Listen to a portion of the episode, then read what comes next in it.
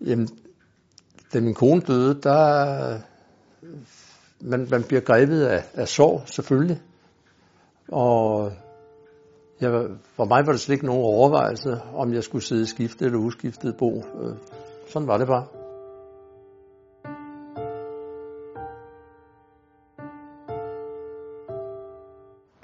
Uskiftet bo er nok ikke det mest kendte udtryk, men det er alligevel et udtryk, som du skal forholde dig til, når du står og skal arve. Det handler nemlig om, hvorvidt du vil afregne arven med de andre arvinger med det samme ved at skifte, eller om du hellere vil udskyde det tidspunkt til senere ved at sidde i uskiftet bo. Ja, i 2008, der fik øh, min daværende kone Hanne konstateret kold. Og øh, kold, synes vi i særdeleshed, var, var skrækkelig.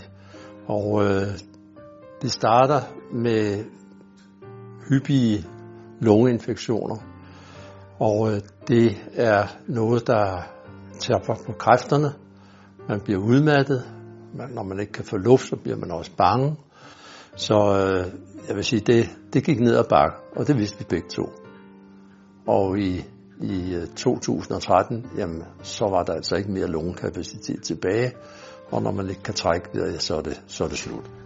Kai var 74 år, da hans kone døde. Pludselig stod han over for sit livs største omvæltning og skulle finde ud af, hvordan han skulle leve sit liv videre, efter at have mistet sin kone gennem 54 år. Hvorfor valgte du så at sidde i uskiftet bo? Lige da min, min, min kone døde, der var det slet ikke inde i, i overvejelserne. Og de næste tre måneder, der var jeg ikke mig selv. Jeg følte det, som om jeg, jeg var inde i en, i en osteklokke, og jeg kunne simpelthen ikke overskue det med at skulle skifte. Det kunne jeg ikke.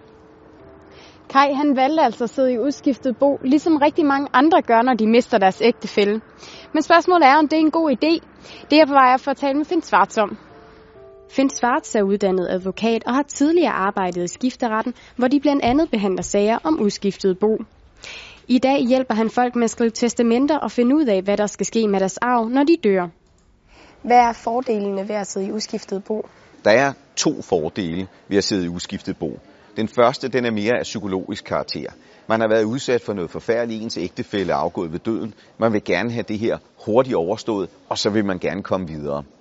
Den anden øh, fordel ved uskiftet bo er, at hvis man er et ældre ægtepar, og dermed mener jeg virkelig et ældre ægtepar, øh, og man kommer i samme situation, ja, så er sandsynligheden for, at ulemperne ved det uskiftede bo ikke vil øh, ramme en på et senere tidspunkt. Hvornår det er en dårlig idé at sidde i uskiftet bo? Hvis ikke man er et meget, meget gammelt ægtepar, så vil det som alt overvejende udgangspunkt være hammerne uhensigtsmæssigt at sidde i uskiftet bo. Og så kommer spørgsmålet, hvorfor det? Jo, det er jo fordi, at i forbindelse med første død, så vil det typisk være sådan, at der vil blive udbetalt pensioner og forsikringer. Hvis man så forestiller sig, at disse øh, af længslevende fortsætter i en periode på grund af uskiftet bo, og møder den næste eneste ene, ja, så skal der betales væsentligt mere til børnene i forbindelse med skiftet af det uskiftede bo. Og det vil sige, at det vil være meget mere ødelæggende for livssituationen, end hvis man rent faktisk skiftede på tidspunktet for første dødes død. Så, så det man må sige, og som er væsentligt her, det er, at det der er den umiddelbare nemmeste løsning, den kan betyde at være en meget mere besværlig løsning på et senere tidspunkt og koste mange flere penge. Så hvad er din generelle anbefaling i forhold til at sidde i uskiftet bo? Den er fuldstændig klar og tydelig. Uanset om du er 39, eller om du er 70 eller 75, øh, og du sidder i en situation, hvor din ægtefælle er afgået ved døden, så gennemfør et skifte, fordi din livssituation vil formentlig medføre, at det vil være endnu dyrere for dig på et senere tidspunkt at gennemføre skiftet. For Kai var det den nye kærlighed, som betød, at han valgte at skifte.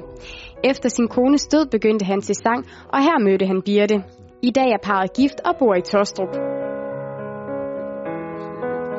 Vi blev kærester, og øh, det førte snart det med sig, at vi skiftedes til at være hos hinanden i hinandens boliger.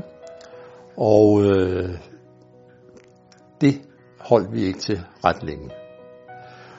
Så øh, vi blev enige om, at øh, vi skal giftes af kærlighed, og når man skal giftes, jamen, så skal man skifte. Hvad har det så givet dig siden, at, øh, at du valgte at skifte? For det første gjorde det, at så kunne vi gifte os. Øh, og for det andet, jamen, der blev gjort rent bord efter min første kone. Nu blev jeg fri, om man så må sige, til at, at disponere. Men der er også det, at øh, der kan være effekter i hjemmet, som arvingerne synes, jamen dem vil de gerne have. Og det fik de.